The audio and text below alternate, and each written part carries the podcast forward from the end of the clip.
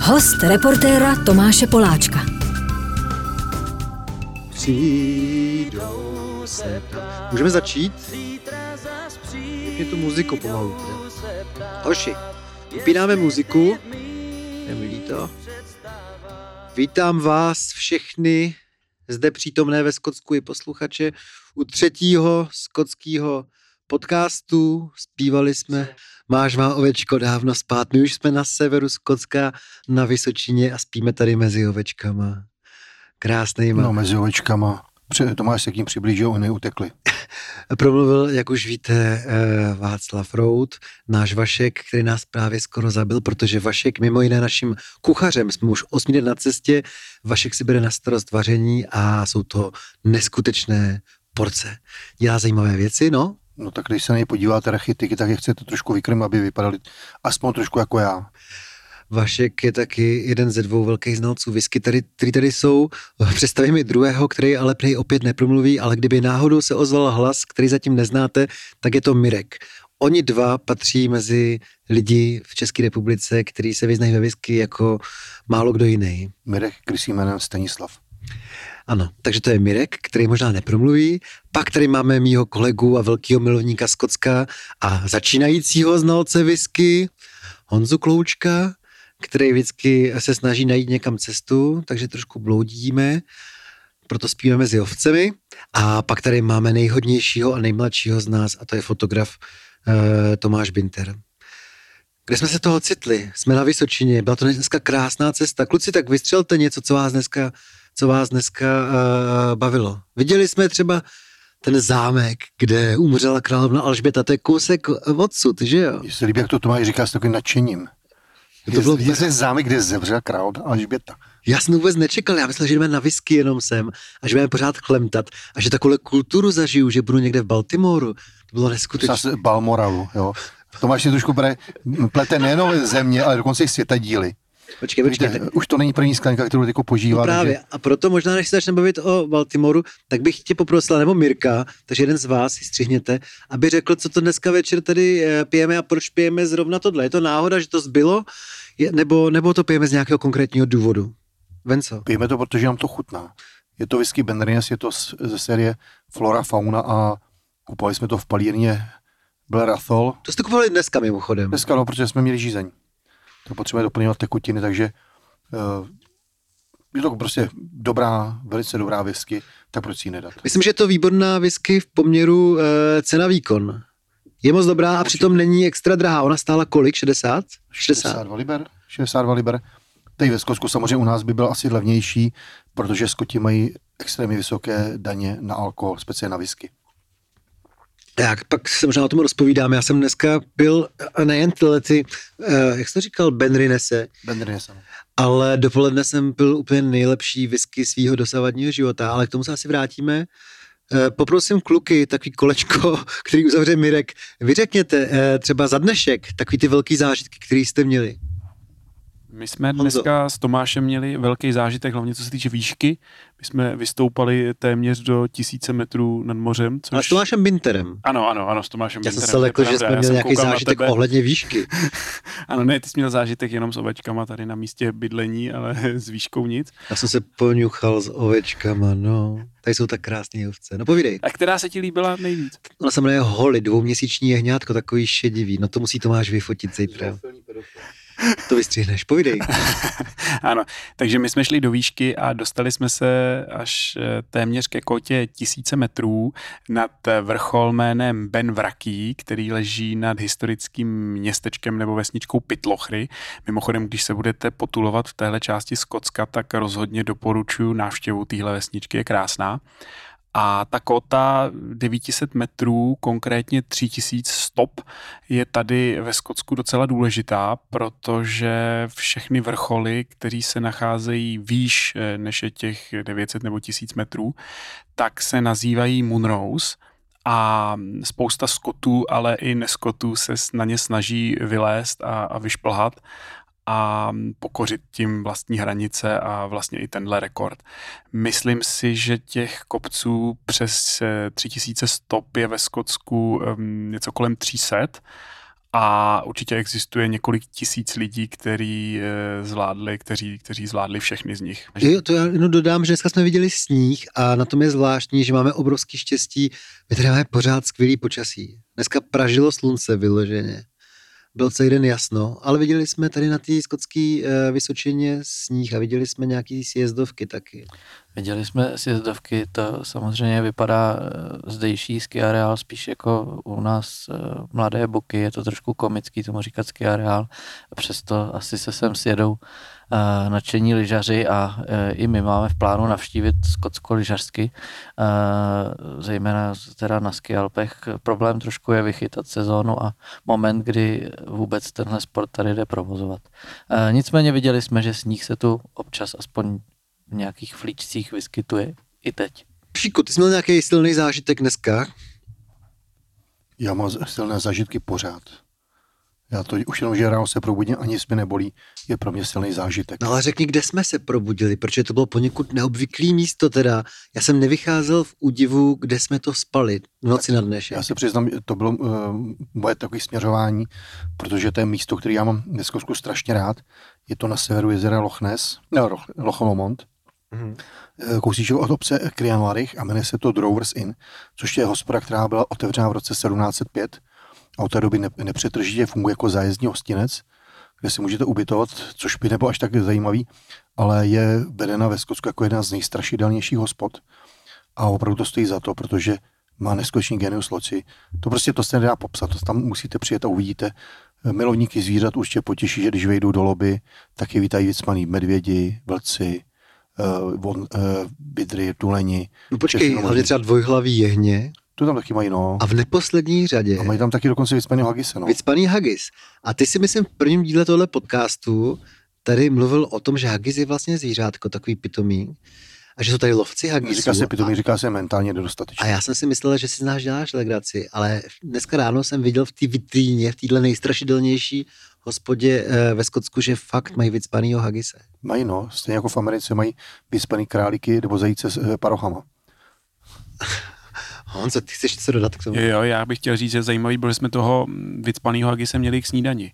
Protože ta hospoda nebyla strašidelná jenom tím, jak vypadala, ale i, i zážitkama, který jsme v ní měli, že jo? Ale musíme říct, že jako na to, že jsme uh, rádoby uh, seriózní skupinka milovníků whisky, tak jsme eh, to zařídili tak, že jsme koupili dvojlužák a nadspalo se nás tam pět v téhle strašidelný. No, takhle, my jsme koupili i dva dvoulužáky, ale to by někdo to musel objednat dřív. Nebudu jmenovat uh, Tomáše, ani Jana, ani do druhého Tomáše. Prostě někdo, jak si zapomněl objednat uh, druhý pokoj, tak jsme přijeli a spali jsme. Nicméně musíte si představit, ten pokoj byl ve velikosti takového klasického českého malometrážního bytu, takže tam by se vyspalo ještě možná taková jedna, jedna slušná výprava. No ale nicméně, když, říkám, když tady říkají ty zážitky s tou snídaní, opravdu hospoda to výborná večeře, krásná, jako chutná, všechno to.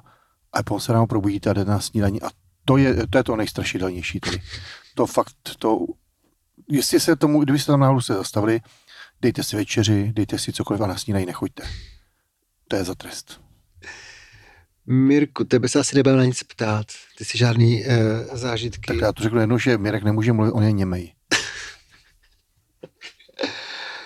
Ale eh, než se uh, budeme bavit... Truplu, my ho sebou bereme dneska tu výpravu v rámci inkluze, jo, takže on má jiné handicapy, takže proto nemluví. Ale mě tady Mirek připadá jako jediný normální třeba. No to, jak ve Skotsku, tak většinou bývá. Nejkrásnější bývají ty mentálně nedostateční. To je tím, že nemluví. No, nemluví, ale uh, v těch palírnách, tu jsme byli možná v sedmi, v osmi, tak vždycky ožije výrazně. Tak pojďme se bavit o palírnách, protože pro mě, a tak už vážně, pro mě strašně zajímavý zážitek byl asi před třema dnema brzo ráno, když jsem šel na palubu, to jsme ještě byli s naším kapitánem Honzou na jachtě, na plachetnici a blížili jsme se k tomu ostrovu Aily. Ayla. Ayla. A on mě ukazoval, podívej, tam máš první velkou palírnu, to byl Artback, o dva kilometry dál se podívej, tady máš Lagavulin, o, tři kil, o další dva kilometry dál Lafroik a takhle mě ukazoval, jako takový tam nic nebylo vlastně na tom břehu, jenom tam svítily nádherně ty palírny. A my jsme jich naštívili ještě víc. Tak Vašku, to je možná otázka na tebe. Tam mimochodem, já když jsme jeli okolo toho, tak tam je to krásný. Kdybyste se náhodou dostali na ostrov Ayla, tak doporučuji, uh, stojí to sice peníze, ale je to, vyplatí se to, zaplatit si v Port Elenu, což je vlastně takový městečko, osada na jihu ostrova Ayla a tam si zaplatíte rychlý čluny a když budete mít štěstí, tak uh, zaprý vás vezmou k těm palínám prakticky hodně blízko, kam je bohužel z plachetnicí nemůžeme, protože tam místě je hloubka okolo jednoho metru a ta plachetnice potřebuje minimálně dva metry hloubky, takže tam s ní opravdu nezajedete. Ale co je zajímavější, že když tam pojedete, tak uvidíte neskutečné množství tuleňů. Když budete mít štěstí, tak uvidíte třeba v některé roční období uvidíte delfíny, anebo i verliby, když budete mít štěstí. A mimochodem to mi říkala kamarádka ze Skotska, z Ailey, že když byla na Bali, tak eh, když řekla, že z Ailey, tak tam všichni rozsvítili se mi oči, protože na Aile je prý, tyko, jenom právě co jsem koupil, je prý nejčistější, nejprůzračnější moře pro potápění na světě. To nádherný moře, ale ono není asi potřeba platit si člun, protože i ta sama procházka 6-kilometrová, kde člověk sport Elen obejde tři palírny, to je úžasný, podél mořského pobřeží. Samozřejmě je to taky krásný, je to krásná procházka, ale říkám, z toho moře, když koukáte na ty palírny, je to zase trošku jiný zážitek.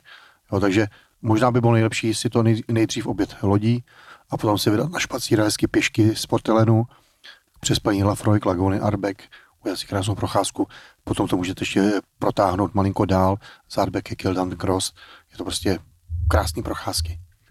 No a dokonce i já, který si nepamatuju jména a jsem úplně blbej, jsem si říkal, hele, vlastně všechny ty jmenované palírny tady na tom ostrově jsou mi povědomí. To jsou všechno slavné značky, mi to připadlo. Popiš nám nebo vysvětli, proč si chtěl, aby jsme, když jedeme za whisky, poznali tenhle ostrov konkrétní. Tak Ayla je samozřejmě unikátní, je to samostatná oblast v rámci whisky. Eh, podle zákona 2890 z roku 2009, tak zákon rozpoznává pět oblastí whisky, nebo respektive skotské rozděleno do pěti základních whisky oblastí, to je Nížina, Vysočina, oblast Speyside, uh, Campbelltown a Ayla. Ostrov Ayla to je ostrov vlastně na jeho západě Skotska, velikost má 600 km čtverečních přibližně, což je asi jak o 100 km víc, než má hlavní město Praha a že tam je pouze 3,5 tisíce obyvatel, takže malinký, a mají tam teď 9 palíren. Je tam 9 funkčních palíren. A co je zajímavý eh, pro ostrov Ayla, je opravdu takový mezi milovníky whisky hodně vyhledávaný whisky z ostrova Ayla, protože pro tento ostrov jsou typický kouřový whisky, takový ty výrazný, takový ty, někdo by řekl smradlavý. A my to milujeme. My jsme má rádi ty rašené whisky, to milujeme. Takže to je typický pro ostrov Ayla, takže tam máme dneska 9 palíren. Nicméně v nejbližší době se bude otevírat další palína, palína Port Ellen a jsou tam eh, další dvě palíny, jsou ve výstavbě. Pojďme si říct zase do kolečka, včetně Mirka samozřejmě, která na nás nejsilněji působí z těch palíren tamních. Honzo, těžká otázka možná, já vám to řeknu teda za sebe. Nejvíce mi líbil Bruchládych a výborně jsem se cítil taky v Lafroigu. To je zajímavá otázka. Já bych hlasoval pro Springbank, naši jo. druhou zastávku. Ostrov Ayla. Jenom Ayla, jenom Ayla. Ayla. Tam jsme byli jenom v jedný, jenom v Ruchládychu, co se týče návštěvy, říkám to dobře. Šli jsme okolo Bomoru, tam jsme se zastavili Bomoru. Tak já bych asi hlasoval pro tu jedinou, takže, ve které jsem byl, takže Bruchlády to musíme jako vysvětlit, jo, protože Honza evidentně považuje za navštívenou palinu jenom to, kde se zúčastnil ty asi hodinový eh, přednášky. Jo. Já se bavím i o těch, který jsme jenom jako navštívili, třeba, že jsme si tam dali panáka, nebo že jsme si prohlídli shop, nebo že jsme si ji prohlídli jako ze dvorku a tak, tak to myslím. Na to už bych měl na výběr jenom ze dvou. Ve víc jsme nebyli, ne? Bomor. Lafroy Bomor. Jo, no tak zase Bruchlády. Za mě eh, ten Bruchládek sice taky zůstává hodnocený nejlíp, ale ten důvod k tomu asi je hlavně vizuální, protože my jsme absolvovali skutečně tu dlouhou prohlídku a mně to přišlo, jak když jsem se ocitnul někde v knihách Žila Verna, protože eh, takhle krásný vizuál té palírny jsem zatím ještě nikde neviděl. Mezi těma měděnýma kotlema eh, je vlastně krásně tyrkysová barva, eh, tyrkysovou barvou natřený veškerý dřevěný obložení a vlastně má to takový jako až pohádkový vizuál. Tak já to mám jednoduchý, pro mě, kdo mě zná, ví, že jako já mám extrémně osobní vztah k Palíně Bruchládych. Já ji opravdu mám rád, její produkty a samozřejmě protože tam je tam hodně těch lidí z této palírny, takže i to mám hodně osobní vztah a hlavně pro mě, já jsem se do ní zamiloval, když jsem ji poprvé uviděl, tak jsem se do ní zamiloval, protože miluji historii, jeden čas jsem ji studoval, takže mám k historii hodně blízko a tohle to je opravdu funkční muzeum. To je palírna, palírna z roku 1881 a většina vybavení, kterou tam vidíte, která tam funguje, která se tam používá, pochází z roku 1881. Když si vezmete, že tu palínu v té době navrhl 23-letý kluk a navrhl ji tak, že jako technologické řešení tak, že to funguje do dneška bez žádný, jakýkoliv vlivu počítačů, tam nejsou žádný počítače. Tady, chcete vidět počítač, tak tam máte desku eh, jako klasickou tabuli černou a to máte eh, v křídlu napsané, napsané čísla, to je místní vrchol, eh, vrcholný high-tech, to je místní počítač, kde máte napsané všechny ty informace, které potřebujete k dané várce whisky. Má tam všechno původní, dřevěný, všechno 1881 až 1910, 1912 maximálně, ale všechno to funguje a všechno, eh, je to prostě je to zážitek, kde jinde chodíte do muzea a koukáte na to přes plesto, eh, plexisklou stěnu nebo přes nějaký zábrany a nesmíte se to dotknout, tak tady to funguje, tady se to používá normálně jako výrobní prostředek. Ne pro ukázku pro turisty, ale jako výrobní prostředek. Jak já tady musím říct, eh, podle mě jsme už dohromady navštívili fakt sedm těch palíren, já nepočítám jenom ty, asi čtyři, kde jsme prošli prohlídkou, ale i ty, kteří jsme fakt jako jenom si soukromně tam zašli. Ve všech se cítil moc dobře. Všude jsem měl pocit, možná to je s Kockem, že tam je velmi rodinný, příjemný prostředí. Po každý je tam velmi jako designově hezký ten shop s, tou, s tím barem. Vlastně... Tak to prodává, že? Já tady musím eh, eh, jenom doplnit, že jako Mirek tady, tady taky mluvil, ale bohužel pro podcast je to nevýhodný, protože on mluví pouze posunkovou řečí, takže bohužel tomu nemůžete poslouchat. No, poznáš si jeho posunku, jak on má nejradši e, palírnu tam na té Aile? Na Aile, já si myslím, Jo, ukazoval, ukazoval tu první, takže Bruchládych. No, on ti ukazoval prostředníček. To musím, ukazoval, že... že jsem jednička, to znamená, že ta první valína, že to má nejradši. Já jsem možná chtěl nejdřív vysvětlit ještě, proč jsem zmínil, že na stejně eh, vysokým, eh, vysoko položený, položenou mám uh, ten Lafroig, protože jako zatím jediná byla štědrá.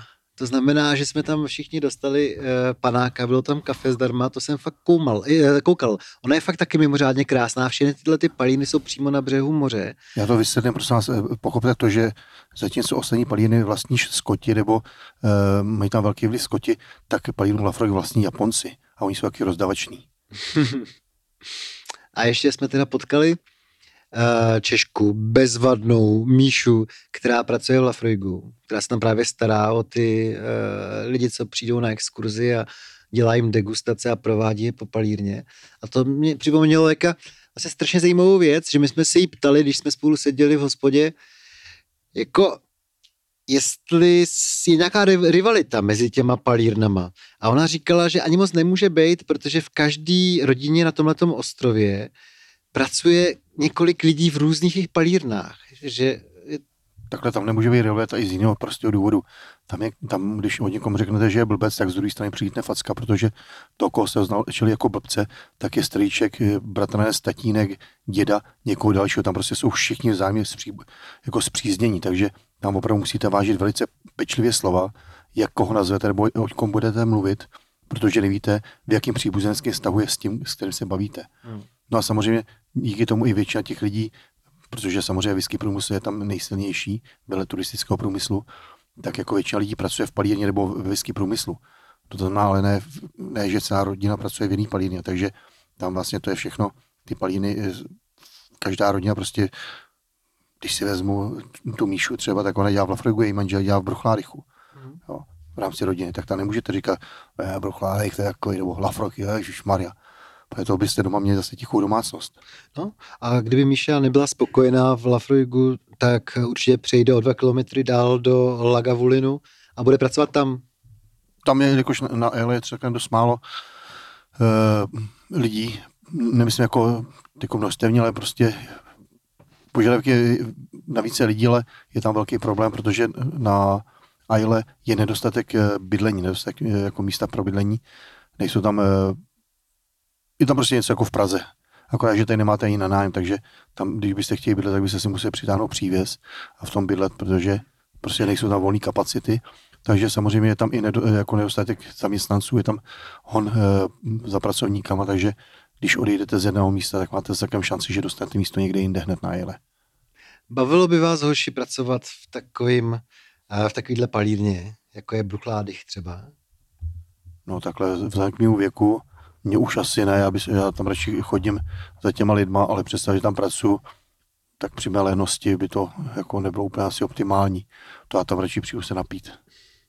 Já taky nad tím přemýšlím. Asi taky by mě to nebavilo. Jediný, že bych možná měl přístup k nějakým zajímavým lahvím. To si myslím, že by bylo dobrý, že člověk by tam eh, se dostal k nějaký krásný vězce, kterou by mohl ochutnávat. Vašek vždycky říká, že kdyby ho zavřeli do palírny, že by se jim to nevyplatilo, protože eh, jeho gáže by mohla být sice malá, ale všechny ty ochutnávky by stály mnohem víc, než by mu dokázali zaplatit. Tak to bych asi nezvládl, ale ta představa, že bych tam objevil něco zajímavého, hezkého a ochutnal něco, co mě chutná, ta je lákavá. Ano, to je trošku, Tome? v případě by jen to trošku jako se prodražilo, no. Já bych si to dal ze zvědavosti třeba na pár týdnů nebo měsíc. Uh, zajímalo by mě to, ale myslím si, že já jsem dosud nikdy nechodil do zaměstnání a že by mě tenhle režim asi nebavil. Tak já musím ještě říct jen, jenom takový, já jsem si to tady vyzkoušel, protože jsem paní Bruchládech jeden čas zastupoval jako ambasador, takže nějaký čas jsem tam prožil, musel jsem si absolvovat všechny ty kolečka, ty pracovní a vyzkoušet si všechny ty pozice, takže i tyhle ty ruce, které se nenarodili proto, aby pracovali, tam musí opravdu v manuálně se činit. Já jsem to možná už zmiňoval, ale mě ty palírny hrozně vonějí. To, jak eh, ty Vašku říká, že ty kvasinky si prdějí, myslím. Eh, takhle, já jsem vysvětloval, my jsme se bavili s Tomášem, tak jsem mu vysvětloval výrobu, tak jsem mu vysvětloval, jak to vysvětlu polopaticky těm eh, nejméně zkušeným. Co je Díky. to vlastně klasinka? Klasinka je, je živý, or, živý organismus, který má tu vlastnost, že prostě baští cukr, prdí CO2 a kadí etanol neboli alkohol. A to je to, co mi voní. A to je to, no, jako, když se nad tím zamyslíš, tak je to trošku eh, jako takový lehce uchylný, že tě voní a exkrementy, nebo chutají tě exkrementy a voní tě jako... Ale eh, to by to taky voní, tam vždycky stojíme spolu v těch místech, kde nej, já se jenom přezvařuju, nejintenzivnější. mě to vůbec nevoní, mě to nechutná. Ne, ale uh, chci jenom říct si ještě jednu zajímavou věc, na kterou si nás nepři, nepřipravil.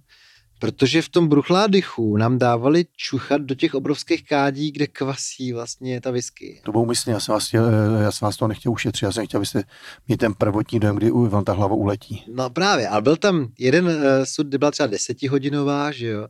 A pak tam byl nevím kolik, třídenní nebo čtyřdenní. No, tři, eh, to, bylo, to nebylo tolik, to bylo To je jedno, přes jeden den, přes jeden den. A k tomu jsem si čuchl a mě fakt se rozpadla hlava, skoro říkal jsem si, to mě může zabít vlastně. To, co cítím z té obrovitánský kádě, mě může zabít. Co to vlastně bylo? To bylo CO2, to bylo eh, vlastně to, co tě nej, nejdřív pra- praštělo do nosu, jak bylo CO2. Samozřejmě po- potom zatím jdou ostatní ty aromata, které vznikají při tom kvašení, ale to CO2 je prostě nej, nejsilnější, nejvýraznější.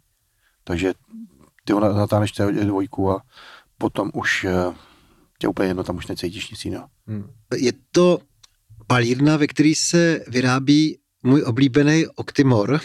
Prosím vás, já zase opravím, jako já tady budu taky opravník eh, všeobecných omylů Tomáše, eh, Tomáše Poláčka, eh, neboť to není Octimoron, je to Octomor. Octomor, pardon, já jsem ho plynul jednou v životě u Vaška v Legerce v jeho klubovně a bylo to úplně fantastický. A od té doby jsem až do dnešního poledne tvrdil, že pro mě existuje jenom nakouřená whisky, protože to byl tenhle ten Octomoron, A- Octomor. Octomor a bylo to něco úžasného. Všimněte si, že Tomáš je generátor nových, nových jmen. Počkej, a ten se vyrábí právě tady v tomto, tom Bruchlajdychu. Bruchládychu, ano.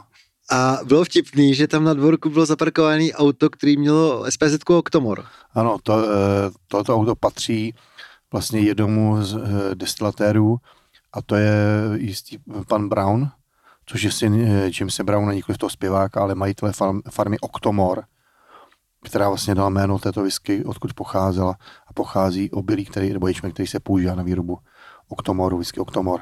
Takže on má vlastně auto pojmený podle eh, své rodné eh, farmy, Mhm. podle farmy Octomor. A právě Octomor, pokud se nepletu, patří k těm úplně nej- nejvýraznějším nakouřeným whisky. A možná nastává v tuhle chvíli prostor pro tebe, aby si vysvětlil, proč uh, na tom Ailey, Ayla? Ayla. proč na Aile se tolik daří právě nakouřený whisky, nebo proč je tak populární a proč je populární Ayla na celém světě díky té uh, kouřový, uh, kouřový whisky. tak eh, prvně Oktober je opravdu nejvíce fenolová, ať to uvedu na správnou míru, nejvíce fenolová, co samozřejmě je taková, eh, takový of, o, oficiální vě, označení vlastně kouřový visek, tak je to nejvíce fenolová whisky na světě. Když si vezmete třeba její verzi 8.3, teď to nikomu nic neřekne, ale to je vůbec nejvíce fenolová whisky na světě, která kdy byla vyrobená, tak pro porovnání, kdo trošku pije whisky a někdy se potkal whisky třeba Lafroig nebo Artback, tak to jsou whisky, které mají někdy okolo 40-50 ppm, to znamená 50 miliontin částic fenolu. Eh, to znamená 50 ppm. Octomol 8.3 má 309,1. Takže to je prostě jiný vesmír. Ale jak vlastně, proč vlastně se vyrábí tato whisky právě na ostrově Ayla? Je to jednoduchý. Jsou to skoti, umí šetřit. A jelikož Ayla z 60% Aylu tvoří rašeliniště, nebo plochu ostrova Ayla tvoří rašeliniště, tak proč by si dováželi, když tam nemají téměř žádné stromy, proč by si dováželi nějaký uhlí, lehký topný olej a podobné věci z pevniny, jako ze skotské pevniny, to znamená z toho velkého ostrova, když tam mají lokální topivo, takže vylezou za barák, barák zahrabou v zemi, to dělají většinou v březnu, v dubnu, hodí to na tu zem, nechají to tam sušit, někdy v červnu přijdou, udělají z toho taky hraničky, aby se to ještě prosušilo, v srpnu přijedou, sklidí, naloží to na vozík, odvezou to do bráku a celý, celou zimu s tím topí. A to se jim palí jen akorát v trošku ve větším množství. Takže proč, pardon, proč by ji používal jako topivo něco jiného? Výsledkem ale to, že rašina má tu charakteristiku, že když s ní topíte, tak ona kromě tepla vydává i celkem dost kouře.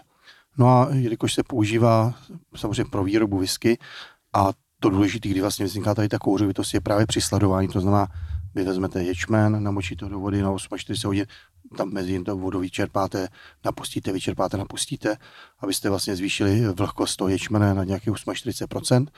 No a potom necháte klíčit to sladování. No a po pěti dnech, to, nebo šesti dnech, podle toho, jestli je zima nebo léto, to potřebujete zastavit to klíčení. Tak co uděláte? Tak to musíte usušit. No a právě v tu chvíli vstupuje rašelina, protože potřebujete topit eh, v těch hvozdech, to znamená takový, máte pec, na se topí a na tím máte síto, na kterém máte rozprostřenou, eh, rozprostřený ten naklíčený slad. No a potom topíte a samozřejmě tím, jak topíte, tak se uh, uvolňuje z té rašeliny kouř a ten kouř se usazuje, obsahuje fenoly a ty se usazují v tom vlhkém zrně. Všichni víte, že když vezmete mokrý hadr a dáte ho do, do udírny a vedle toho vezmete suchý hadr a dáte ho tam na stejnou dlouhou dobu, tak ten suchý hadr vlastně tam bude sprej pomalu stejně pořád. Ale ten mokrý ten natáhne okamžitě ten kouř uh, z té udírny. Je to dané tím, že ta voda vlastně na své váže právě tady ty fenoly a už to v tom, v tom zrně zůstává, takže to zrno potom vám výhledově během celé té výroby vám vlastně udržet tu fenolitost, tu uzenost, když to vezmu takhle, no a ta se vám přenáší potom do té vyrobené whisky. Takže takhle vzniká zjednodušeno, to je trošku složitější, ale snažím se to říct, co možná nejjednodušejší pro posluchače, takhle vzniká kůřová whisky. Prostě vezmu vlhký, vlhký slad a vysuším ho na té ohněm z rašeliny ale ta whisky na té Aile je ještě specifická něčím jiným, teď myslím, co se týče té tý rašeliny, eh, neexistuje vlastně jenom jeden druh té rašeliny. Když no. někdo má rád kouřovou visku a e, dá si visku na Aile a řekne si, že tohle je ta jeho oblíbená, jako v případě Tomáše, tak se asi může ve Skotsku setkat s jinou rašelinovou whisky, která bude chutnat jinak. Klasický příklad, když to vezme trošku jako, jako extrémně, tak když pojedu na Orkney, tak tam je Palina Highland Park, která má dokonce vlastní rašelniště, to se jmenuje Hobbyster Moor. A vzhledem tomu, eh, protože na Aile, rašelina z Aile, tak se vyznačuje tím, že tam ten ostrov byl průběžně v, v těch érách, v těch historických dobách zaplavován a zase se vynořoval že, v fuzovkách. Takže rašina jako reziduum organických hmoty obsahuje kromě jiného také hodně morských řas a hodně vlastně reziduí e, mořských rostlin. Když to na Orkneyích, tak e, tam nikdy nebyly stromy, nebo tam bylo minimum stromů. Tam prostě, jak tam fouká, tak tam stromy se moc nedržejí. Takže raše na ostrově Ayla zase no, obsahuje jako reziduum organického materiálu, obsahuje spíš byliny, trávy a neobsahuje prakticky žádný dřevo. Takže má, když vezmete, když byste vzali, zapali rašinu z aroknejí, tak tam budete cítit spíš takovou nasládlou květinou, květinovou vůni, když to na ajle, když zapalíte tu rašelinu, tak cítíte trošku víc takovou medicínský charakter. No a když vezmu třeba rašinu z mainlandu, to znamená z té skotské pevniny, aby, aby jsme, prostě to pořád ostrov, říká se mu mainland jako ta hlavní, eh, ta hlavní pevnina, tak když vezmete, tak eh, třeba na severu Skotska, tady dneska jsme jeli přes Tomintul, tak tam máte obrovské rašeliniště a tam se když historicky rozprostí- rozprostíral tzv. kaledonský prales. No a samozřejmě ta rašelina obsahuje obrovské reziduum eh, dřevité hmoty, jako ten eh, organický materiál v té rašelině a to znamená hodně lignínu, takže zase, když ji zapálíte, tak to máte jako když máte dřevěný uhlí, má to výrazně takový do dřeva dřevitý charakter. Takže ono i záleží, čím tu eh, vlastně ten ječmen, když sušíte, hmm. nad jakou rašelinu ho budete sušit. To jsou podobný charakter, jako má rašelina z Aily, mají třeba rašeliny z přímorské oblasti, ať už ze, ze Sutherlandu, to je nejsevernější oblast Skotska, u, u, u pobřeží, tam to samozřejmě má podobný rezidum jako uh, rašelina z Aily, případně Aberdeenshireu na severu, tak taky některé ty rašeliny ještě mají taky významný jako, nebo výrazný, takový ten mořský, takový ten medicínský charakter. To máš furt něco. Já říkám, my jsme na cestě osmý den a ochutnali jsme možná 16-20 různých eh, whisky a mě... Tak to přidej. Dobře, tak 21. A mně došlo uh, před pár dny, že to je mimořádná pestrost. Jo. A možná nejvíc mi to došlo včera, protože uh, Mirek, který nám, nám to zdi moc neřekl, měl jistý důvod k oslavě, konkrétně dcera udělala maturitu. Všechno nejlepší. Mirek chytá za hlavu, to je fakt je. A on uh, tím pádem, on, on tím pádem uh, samozřejmě řekl, že uh, nás, co tady jsme s ním, pozve na lahev a koupil, Mirek mi to asi neřekne, ale možná ty Vašku si vzpomeneš co, a to jsme pili včera večer, strašně jako višňově, ale jako bylo to vynikající, bylo to taková dokonalá griotka, přitom to byla silná whisky. A jsem říkal, to není možný, člověk jeden pije něco, co je fakt jako nakouřený jako kráva a teďka pije fakt něco tak jako nádherně ovocného. A krásně na tom je to, že to bylo vlastně výrobek z jedné a té samé palírny. Hmm. Bylo to spaní bruchládek, byl to takzvaný valinč, což jsou v palírny mají vždycky dva sudy e, daný, z kterých vy si můžete natočit svůj vlastní, e, svůj vlastní láhev. A ty sudy se mění. Prostě až se ten sud vy, vytočí, dá se jiný. Takže jsou to opravdu unikáty, takže většinou bývá okolo těch 600-700 lahví, protože to jsou pouze půlitrové lahve. To, co my jsme pili, byla nejnovější verze Valinče, Valinč číslo 66, to znamená jako 660. edice této whisky Bruchládych, whisky Bruchládych, to znamená nekouřová whisky, sajdy a typicky nekouřová. To je fakt jako, tyko přemýšlím, v jakým, zda to v sudu od vína, tyko přemýšlím, od jakého vína to bylo. Bylo, bylo od francouzského vína, tyko si nespomínám, který to bylo. Jako říkají to, ale tyko opravdu z hlavy to nedám. Ještě, no? Vanilus, ano. Promluvil, promluvil Mirek. No. Super. On si to pamatuje, si to pamatuje. Všimněte si, že i němý dokáže mluvit. Zázraky se dělí, ano. Všetci, jak whisky rozmluví i němého. Ano, takže... takže Máme si panáka na to. Všimněte se, Tomáš už si jde nalívat zase nalejeme, panáka. Nalejeme panáka na tuhle počest. Protože Mirek promluvil. To já, kdybyste viděli, jak jsem koukal, jak Tomáš našel uh, úplně systematicky mířil k velkému hrnečku a potom si uvědomil, že by to bylo prasácké, jak to na, radši do skleničky. No, pokračuj, pokračuj. Ne, já už nic říct nebudu, ani jsme... To už vlastně není co říct, že jo, to už je konec podcastu, Mirek promluvil. tak já už může, no možná další otázka bude mířit uh, na něj, protože já jsem doopravdy takový, že eh, jsem si vyčlenil třeba plus minus 100 liber na to, že si udělám radost a domů si přivezu jednu zajímavou, dobrou uh, whisky. A nechal jsem si poradit právě od vás dvou, protože nikoho lepšího neznám, že jo. A byl to bohužel Mirek, ne ty, a Mirek moc nemluví, který mi poradil právě v Bruchládychu, abych si koupil jednu whisky. Já kdybych tě poradil, tak bych byl sám proti sobě, že jo.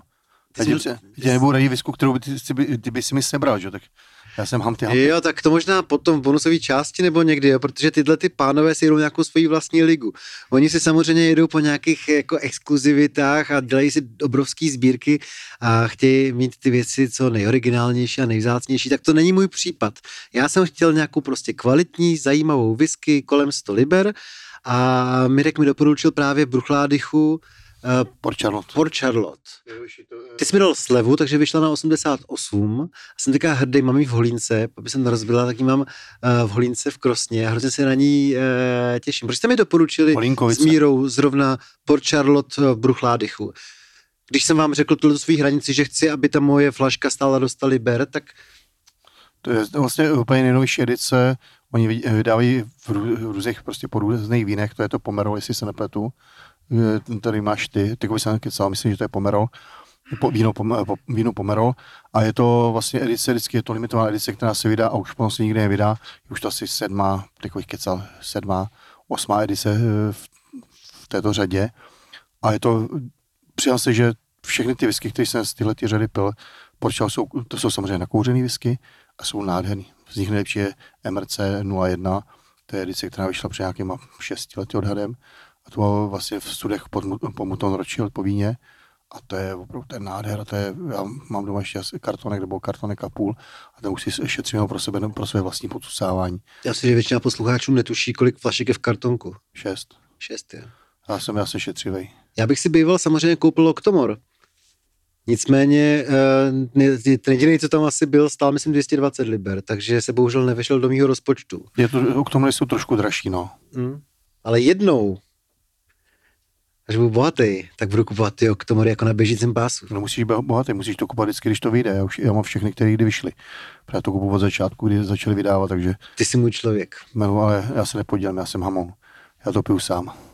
Dobře, ale až budeš mít nějakou degustaci někdy oktomoru, tak jo, občas děláme degustace k tomu, občas to udělám. Tak to musím přijít. Mimochodem, ta byla úžasná ta Míša, doufám, že to poslouchá, jestli taky moc pozdravujeme, protože nakonec tam strávila třeba 4 hodiny v hospodě, manžel už byl zoufalý a slíbila, že na přelomu léta pod zimu, až se po dlouhé době vrátí do Prahy, takže by nějakou degustaci udělala. To jsme se domluvili, že by jsme spáchali něco dohromady. Jo. A kde se to lidi dozvídají? To se dozvídají na tvých nějakých stránkách? Na mých stránkách se to vydají, ale já jsem takový... A ty máš jako Bůh of whisky, nebo jak se jmenuje tvoje stránka? Ne, fuck of whisky. Fuck of whisky, jo. Ne, ne, mám stránky, prostě whisky a killed, whisky and killed, whisky and killed, jako podle klubu, který mám, ale já jsem takový v tom trošku, já nejsem úplně až takový, že by jsem to tak nějak hodně, takže občas zapomenu tam něco uvést, takže to ví jenom kamarádi a potom vždycky zru, si uvědomí, že jsem to vlastně nikomu neřekl, že mám ochutnávku. Ale takový to, postavíte se hospodu, lezou vám tady lidi, že jo tak děláte ochotnákovku a přijde vám to popít někdo cizí. A na, počkej, jenom já ještě musím říct, že na Míše bylo skvělý to, že bylo vidět, že to whisky zbožňuje, že to není práce, ale že jí rozumí, má jí fakt ráda tu whisky. Ano, my alkoholisti to máme rádi. A ještě byla skvělá, ono to je česky, tak to je, slyšej, že třeba Totiž uh, v té její, v tom Lafroigu, je fakt dobrý, že člověk jenom řekne, že jako se chce stát členem klubu přátel, ty palíny dostane panáka. A ona říkala, jako, že když tam tak budeme chodit třeba po každý, tak nám to panáka dají vždycky, že to jako nekontrolují. Takže dneska už víme, že příště, až jdeme do Lafroigu, tak zase dobrý den, my se chceme stát přáteli vaší palírny a zase dostaneme panáčka. že my jsme si přivezli vlastně sebou na pevninu potom několik malých panáčků. No udělali jsme si dobře. Viděli jsme si dobře. Jste někdo ještě něco v Kyle, nebo se přesuneme zpátky do Skotska na pevninu? Já mám jenom takovou drobnost. Eh, na té Isle jsme vlastně viděli při cestování autem po silnici na vlastní oči a zatím jsem to tady neviděl nikde jinde, jak se skutečně ta rašelina těží, eh, kdy vlastně ta, ta, ta krajina dostává takový drobný zásahy, eh, jak kdyby tam někdo uhlodával kusy hlíny v poměrně pravidelných obrazcích a, a je to trošku bizarní zážitek takhle sledovat, jak si rozhrabávají jinak poměrně krásnou zelenou zemi. No, krásnou zelenou. Oni rozrabají rašeliniště, který je vlastně jedna, jedna packa, tak akorát tu packu snižují třeba o metr, jo, a je pořád tu zůstává packou. No a pak jsme naposledy přespali, každý večer jsme pili fakt nějakou dobrou whisky, ale tak rád vzpomínám, i dnešní je dobrá. Až na to, snad se k tomu ještě dostaneme, že jsem pil dneska mnohem lepší. No, uh, pak jsme naposledy přespali u našeho kapitána Honzy na jachtě a vrátili jsme se zpátky na pevninu do Glasgow letadílkem Káně. Víte, jak dlouho to letí? 35 minut? No, asi skoro 40 minut. Pravdu je to, že já vzhledem tomu, že mám železné nohy, tak já to mám vždycky dobrý, a když tam přijdu k tomu, eh, tomu rámu, tak všude pípám. Takže vždycky tam je koukají jako na teroristu, takže mi vždycky objíždějí všema možnýma skenerama a zjišťují, kde mám co schovaného. A když je vysvětlu, že to vevnitř v těle, že to fakt nedostanou ven, tak uh, jako chvilku nevěří a potom už jako pochopí jsem chtěl říct, ale to rozhodně nebyl eh, zdaleka jediný důvod, proč Václav pípal, protože celý to začalo ráno na lodi, kdy jsme věděli, že tady na tom malé letiště se stačí dostat asi půl hodinu před eh, odletem a přesvědčovali jsme Václava, aby nám udělal snídaní jako každý ráno a na lodi nic nevonilo, protože Václav od rána byl takový celý nervózní, takový nesvůj. A my jsme si z něj pak začali dělat srandu, že není potřeba být na letišti tři a půl hodiny předem, že je to vnitrostátní Já let. viděl proč. A Václav říkal, ne, ne, ne, ne, pojďte, pojďte, jste pozdě, jste pozdě. Narval nás do toho auta, že jo, narval nás na to letiště. To už i Mirek, který nemluví, já jsem si teď vzpomněl, že on je vlastně taky Mirek, jak to má Cimrmana, tak eh, taky Mirek byl Němý nervózní, Bobeš. němý Bobeš, přesně tak, máme tady takového němého Bobše. Takže i němý Bobeš, náš němý Bobeš byl neklidný, nebo prostě říkal, proč tam Václave potřebuješ být tak brzo. No a přišli jsme na úplně prázdné letiště, že jo, Václav se hrnul eh, k check-inu a začal těm slečnám vysvětlovat, že teda by se rád odbavil a slečny mu řekli, že může mít jenom asi 18 litrů alkoholu a eh, 28 flašek. Eh, Václav zjistil, že mu to o dvě flašky nevychází, nicméně se rozhodl, že dá kufr ke kontrole a kufr se za chvíli vrátil, že mu to opět nevychází, takže nastalo přebalování. Z prázdného letiště bylo plné letiště, trvalo to celý neuvěřitelně dlouhou dobu a pak pokračovalo teda skenování Václavova kolene e, na rengenu, kde určitě byla ukrytá taky nějaká flaška. A e, myslím si, že i díky tomuhle z tomu e, celé letadlo odlítlo asi o 25 minut později, protože já nevím, jestli jste si toho všimli, ale odlet byl 19.15 a v 19.40 jsme, v 9, v 9, a v 9.40 jsme ještě e, pokráčeli po runway. Takhle já bych to vysvětlil. Já jsem samozřejmě jsem žíznivý a věděl jsem, že ještě ve Skotsku budeme nějaký čas, že nechci přijít na sucho, tak jsem si tam naložil lahve, ale trošku jsem přešel ten limit, který je povolen do toho letadla v počtu laví na vnitrostátní let po Británii. Takže, ale jako jsem tušil, že by to mohlo dělat problémy, proto jsem je hnal eh, radši dřív na, na letiště, aby kdyby ty problémy byly, aby jsme měli dostatek času se přebalit. My jsme už pochopili, proč jste si vy dva starší, myslím to já Mirka, vzali sebou nás tři, protože vy nás máte taky ty věci, tady jsou pravidla Třeba... Jak oni si hoši, jak oni si hoši kupují ty doopravdy vzácné věci v těch palírnách, které nejsou jinak dostání, tak ty jsou většinou na příděl, že jeden člověk si může koupit jednu, maximálně dvě a to je málo. Takže proto nás mají tři tady a my se musíme upisovat k něčemu vždycky, aby dali na jako flašku i nám. Pak to skasírují starší borci. On se to vyplatí, protože nám dali jako průvodce a vyprávějí nám strašně zajímavé o té věcce. A druhá věc že nám rozdělují že třeba u letadilka Káně nám rozdělili ty flašky do našich batohů, takže jsme všichni cinkali a přetížili jsme letadlo. Všimli jste si, jak to Káně se nad tím Glasgow tak divně třáslo, naklánělo? To je pravda, to je pravda. A já jsem vlastně konečně přišel na to, proč nás donutili vzít ty holinky.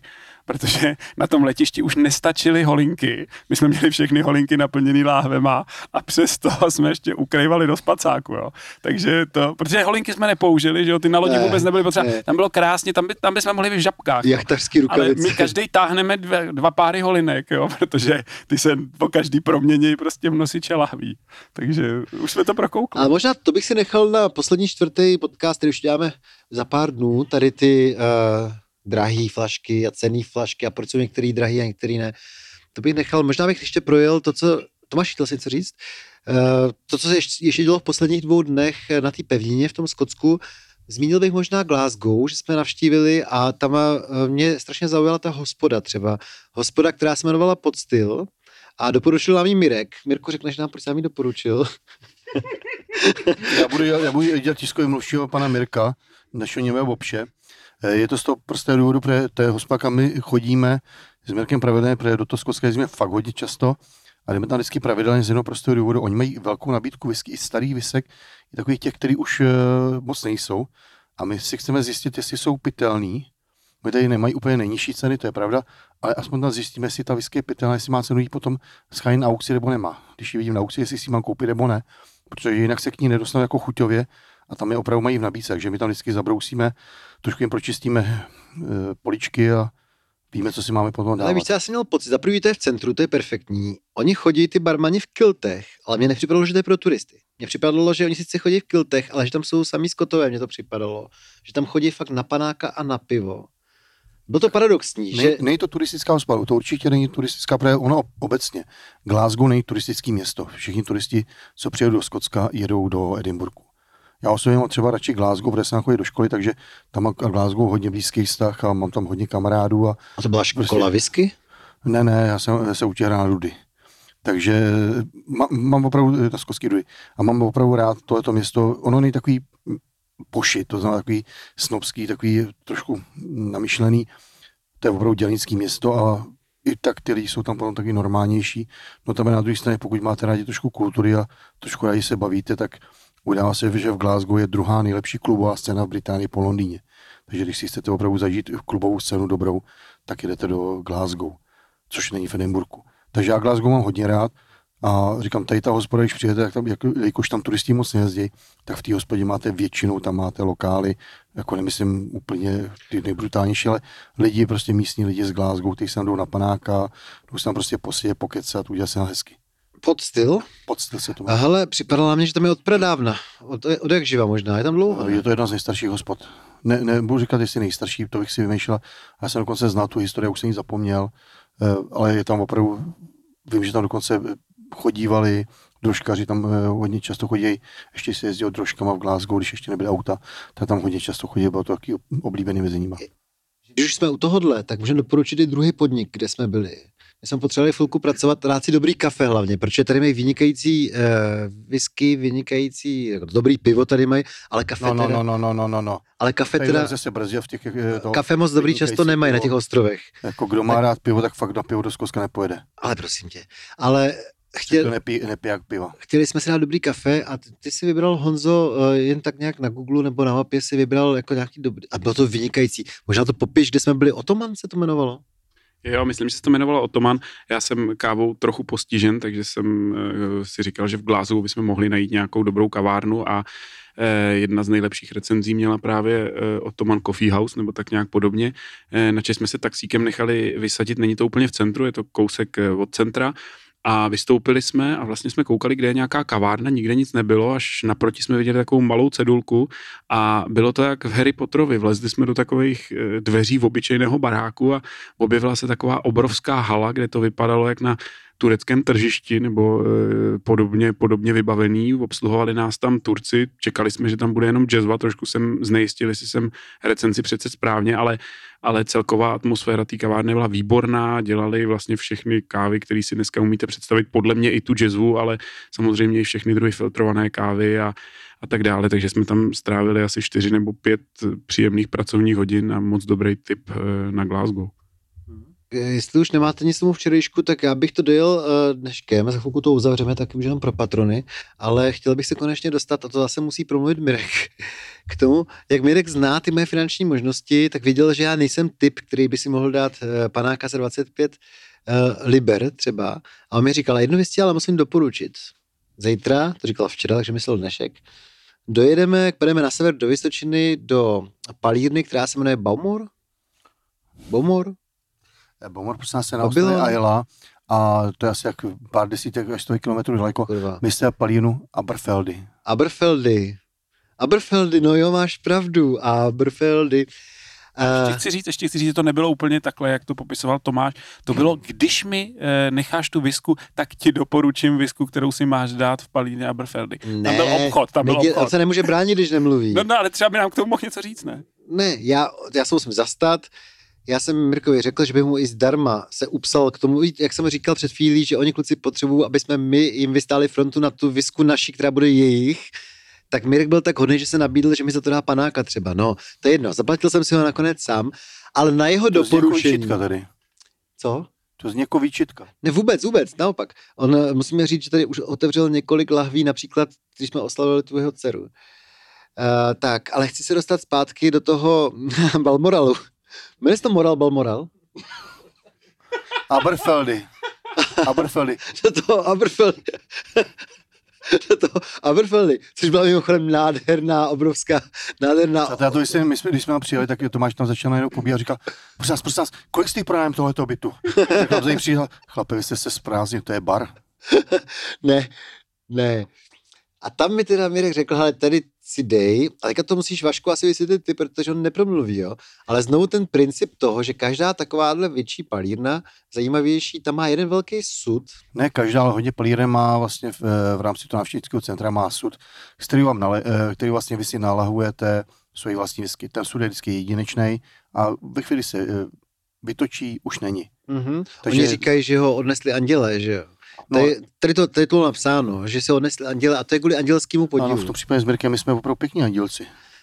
Tak víte co? Dneska v té závěrečné části, až to za chvilku zavřeme, nám poví něco kluci o, andělský, uh, o andělském podílu, jo? No, takže říkám, eh, tady, tady ta whisky, většina palíren to má, no a zrovna v Aberfeldy tam měli stud 2060, 665, což je whisky ta Berstová v roce 1999 a celou dobu zrála v sudu pošery.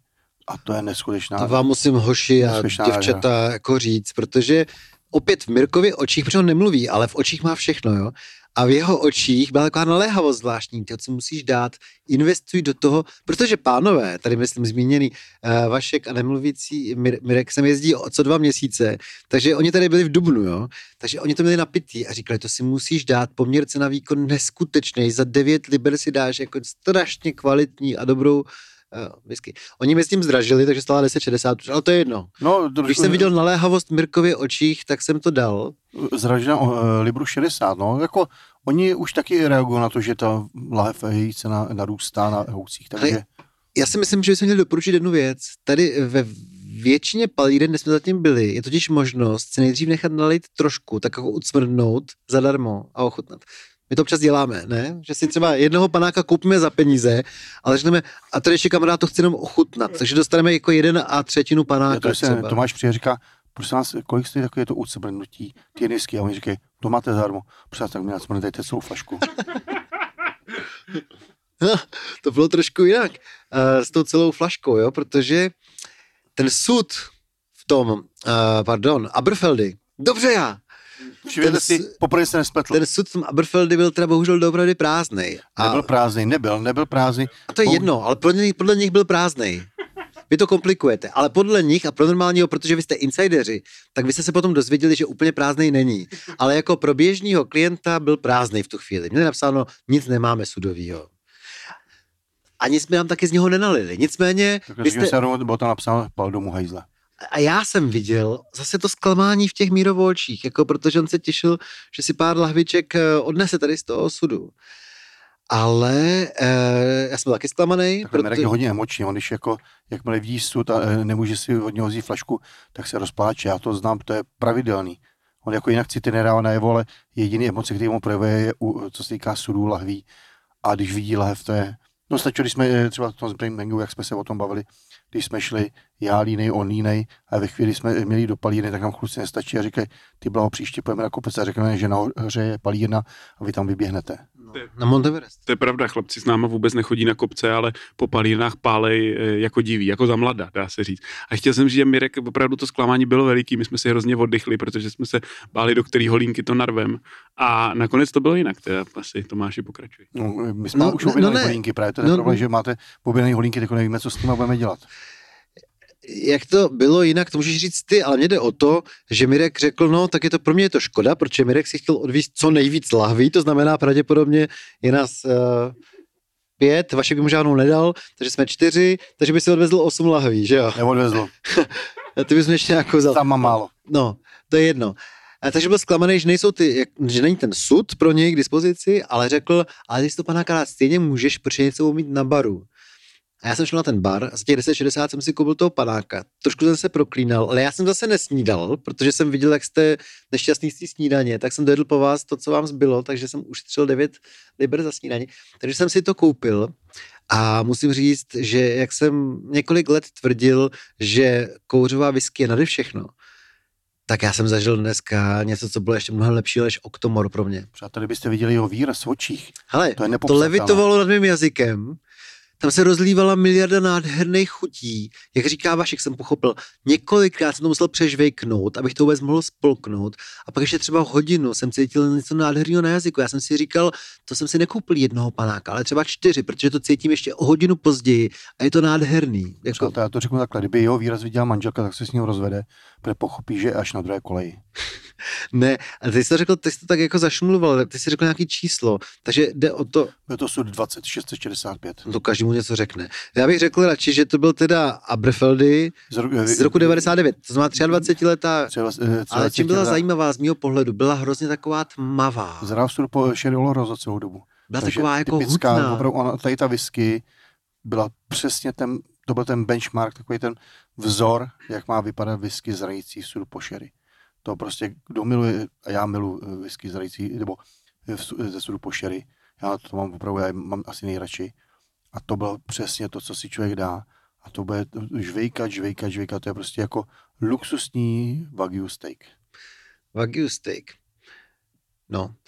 Hoši, uh, co to bylo, vy jste jenom ochutnali, ale i tak chcete něco říct k tomu, jak vám to připadlo dneska, jestli pro vás byla nějaká lepší na tom našem zájezdě než tohle?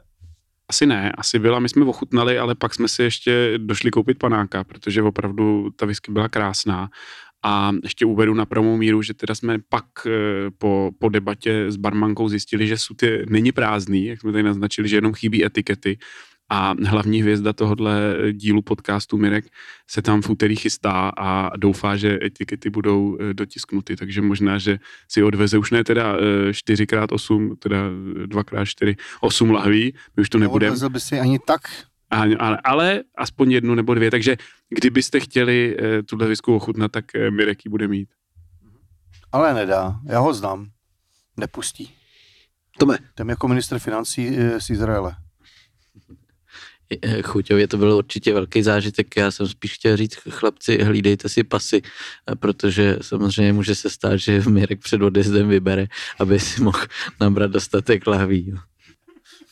No je pravdu, že si dokážu už představit, jak ta běhá s druhýma pasama, vždycky si nalepí falešný fousy, potom si nasadí černý brýle a se tváří, že je už šestý nebo sedmý, sedmý návštěvník. Mirku, chci na tomu něco říct.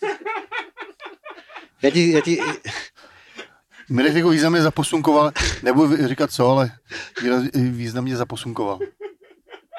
Já teda to řeknu špatně za tebe, jo, ale vlastně tu už se dostáváme k tomu, co možná bude obsahem čtvrtého dílu trochu, k těm cenám a tak. Vlastně Mirek mi vysvětloval, že tady to, co jsme zažili za uh, obrovské potěšení z této konkrétní whisky v tom Aberfeldy, je daný tím, že na poměry té palírny je to úplně na standard, že se ten sud strašně povedl, nebo tenhle ten ročník, nebo jak se tomu říká, kdyby mluvil on, tak to řekne správně, jo? Že to je ten rozdíl třeba oproti Mekelenu, dejme tomu. Říká se správně Mekelen? Přátelé, že... já už se tady bavím, protože sleduji jejich vzájemnou komunikaci. Jo. To je jako ta, ta Počkej, on dneska, řekl, on dneska řekl nějaký slovo a ukázal ti prostředí. Ta nonverbální komunikace je geniální. Počkej, ale že Mekelen je výrazně dražší než nějaký Aberfeldy, ne? Ale že to je daný tím, že McLaren má dopravy. Jak jsem to pochopil aspoň z toho, co mi Mirek říkal, protože Mirek občas mluví. Eh, Bez si občas si pronese nějaké slovo. Tak on mě vysvětlil, že ten McLaren, ten to má jako jistota, že to vždycky v podstatě se povede takhle. A u toho Aberfeldy to je spíš, a to je potom práce pro vás dva a s tím jsou ty desetiletí vašich zkušeností, že vy to vychytáte, že vy jako víte, no poznáte, nebo zjistíte, nebo se dozvíte, že v nějaký palírně se třeba výjimečně povedl nějaký sud a potom vy si jdete. No, snažíme se. Dobrý. Ne, vždycky to vyjde. Dobrý, hoši. To uh, fakt probereme možná v příštím díle, protože to je strašně zajímavý téma. Já uh, vás všechny poprosím o to, hlavně Mirka, abyste řekli, na co jsme zapomněli z těch posledních pár dnů a pak to uzavřeme pro všechny a ještě bychom si popovídali o andělském podílu a o tom, co si o tom myslí umělá inteligence. Možná. přeložím, Redek ukazuje, že jsme ještě zapomněli eh, se zmínit o tom, jaké jako životní zážitky dneska zažila podobně, že bych chtěl tomu něco říct, ale že nemůže. Mirku, cokoliv si řekni, můžeš pozdravovat třeba dceru. Za kolik dal tu maturitu? Ale zase, zase ukazuje fakáče. No, tak to Takže to znamená, že udělal za jedna. No, já myslím, že v příštím a posledním díle ho rozpovídáme, Mirka, protože je to jako nesmírně, je to nesmírně zajímavý, protože ten kluk opravdu před 30 lety se pustil do takového hobby a jako perfektně se v tom vyzná, to všechno probereme příště, jo? On to opravdu ví. On přijde do nějaký úplně dementní palírny, která nemá vůbec nic, všechno je tam prostě, jak se tomu říká, vyčichlí. A on tam najde spolehlivě tu jednu skvělou flašku, která stojí za to. V tom případě, jestli to má příští e, dílby o to, že bude vyprávět Mirek, tak to bude hodina ticha. tak uděláme to. uděláme to. Tam by se předtím styděl i skladatel Cage. No. Protože takový, takový, takový minimalismus, takový minimalismus nezvládne. My jsme si hrozně přáli, aby Mirek, který nemluví, on totiž říká, že jednoho dne si možná založí klub whisky ve svém městě. My jsme asi ještě nezmínili, z jakého města, já bych to neříkal. To taky neříkal, z jakého města. Jo, protože to stejně každý poznal, podle toho slova, co řekl tady. A to by bylo skvělé. Tam bych jel, na, jezdil na němýho šéfa klubu viskovýho se dívat. To by bylo Klubu, který neexistuje. A to, to je v jakém městě? To je úplně v jiném městě. To je jo, městě. tak to je. Dobře. Uh, chcete ještě něco k tomu dnešku, nebo čo zavřeme pro všechny ostatní a necháme jenom patrony? To ještě aspoň popište trošičku, jak to vypadá tady na té Vysočině. Kdo hezky mluvíte? Honzo. Eh, My jsme projížděli tě, národní park, který se jmenuje Vašku pomož mě, Kengorm. Kengorm, což jsme s Vaškem měli spor, jestli je to Vysočina nebo není a Vašek teda měl pravdu, je to Vysočina, takže my jsme projeli vlastně nejjižnější část Vysočiny, ona to není Vysočina, co se týče Kraje. kraje, ale je to Vysočina, co se týče... mm, Geografie. Ano, přesně tak. Takže jsme projeli asi nejznámější skotský národní park a vypadá to tady krásně. To je vlastně jeden z důvodů, proč já Skotsko miluju a proč se sem stále vracím, protože jsou tady takový větší a menší bochánky zarostlý rašelinou a, a trávou a vy se o nich můžete procházet a vlastně jediný, koho potkáte třeba za celodenní tolky týhle krajinou, tak jsou jenom ovečky. Já se musím přiznat, že jako přes tuhle tu část já jezdím vždycky strašně rád, protože za prvý, jak mám vztah k historii, tak tady samozřejmě to dýchá historii na každém kroku. Takže my jsme vlastně vyrazili z Droversin, což je hospoda z roku 1705, takže historická památka, 318 let fungující hospoda. Jeli jsme přes Vysočinu, kde míjíte opravdu místa, kde, kudy kráčela historie. Kilin si pomínám. Kilin se mi líbí. Kilin, Kilin, tam máte krásy, tam máte Vodopády. eh, vodopády, ano. A kaskady máte tam eh, pohřeb, klanový pohřebiště na ostrově, tam opravdu tam to na nás dýchne tou historií, i tou přírodou. Pokračuje dál okolo jezera Tej, projedete celý okolo jezera Tej, tam si můžete dát buď doprava, přijedete do Kranok centra, což je vlastně rekonstrukce prehistorických obydlí, eh, které vznikly ve Skotsku v jezere, na jezerech vlastně, eh, na takových kůlech postavených chatr, jako ne chatrče, jako chaty by se dalo říct, nebo já nevím, jak to nazvat, obydlí, tak tam máte zrekonstruované, jak to bylo, nebo my jsme tady, eh, to jde ještě naopak doleva a jeli jsme přes eh, Fortingale eh, U, což je vlastně nejstarší živý organismus pravděpodobně v Evropě, ne na světě. Je to 5000 let starý tis, to znamená, že ten tis začal růst v době, kdy vlastně bylo mu tisíc let, když, když vznikly, začaly vznikat egyptské pyramidy. Můžu k tomu ještě takovou malou reklamu na svoji nejmilější vesnici, kterou v Čechách mám a kde máme chatu. Kousek od Leče nad Sázavou je vesnice jménem Vilémovice, kde je nejstarší strom ve střední Evropě. Taky je to tis. Ale bohužel platí to samé jako o tomhle tisu tady ve Skotsku, že to není nějaký extra nádherný strom. Není. Tam totiž celkově to bylo hrozně půvabný, protože to je tenhle ten obrovský strom, který vypadá jako několik stromů dneska, ale původně to byl jeden org- organismus, ale oni to během těch staletí rozsekali lidi a vypálili a tak. Ale je u toho kostelík s tím hřbitovem a to je tak krásný hřbitov. Okolo toho bečejí ty ovce. Ale když máte, když ještě my jsme měli fakt krásně sluneční počasí, takže to působí neskutečně, jako působí to krásně. A vemte si, že stojíte vlastně vedle e, něčeho živého, co si pamatuje ještě když je vlastně, už mu bylo, e, když mu bylo tři tisíce let, tak se narodil Ježíš. Takže to je pro vás eh, prostě působí jako z jiného světa. No, takže je to krásný, stojí to za to se zastavit. Samozřejmě není to, že byste tam strávili celý den, to asi ne, ale jako při té cestě je to krásný. Pokračujete dál, na objevíte Castle Menzies, což je hrad, který byl v dezolátním stavu, koupilo klanová asociace klanu Menzies a udělal z toho vlastně klanový muzeum.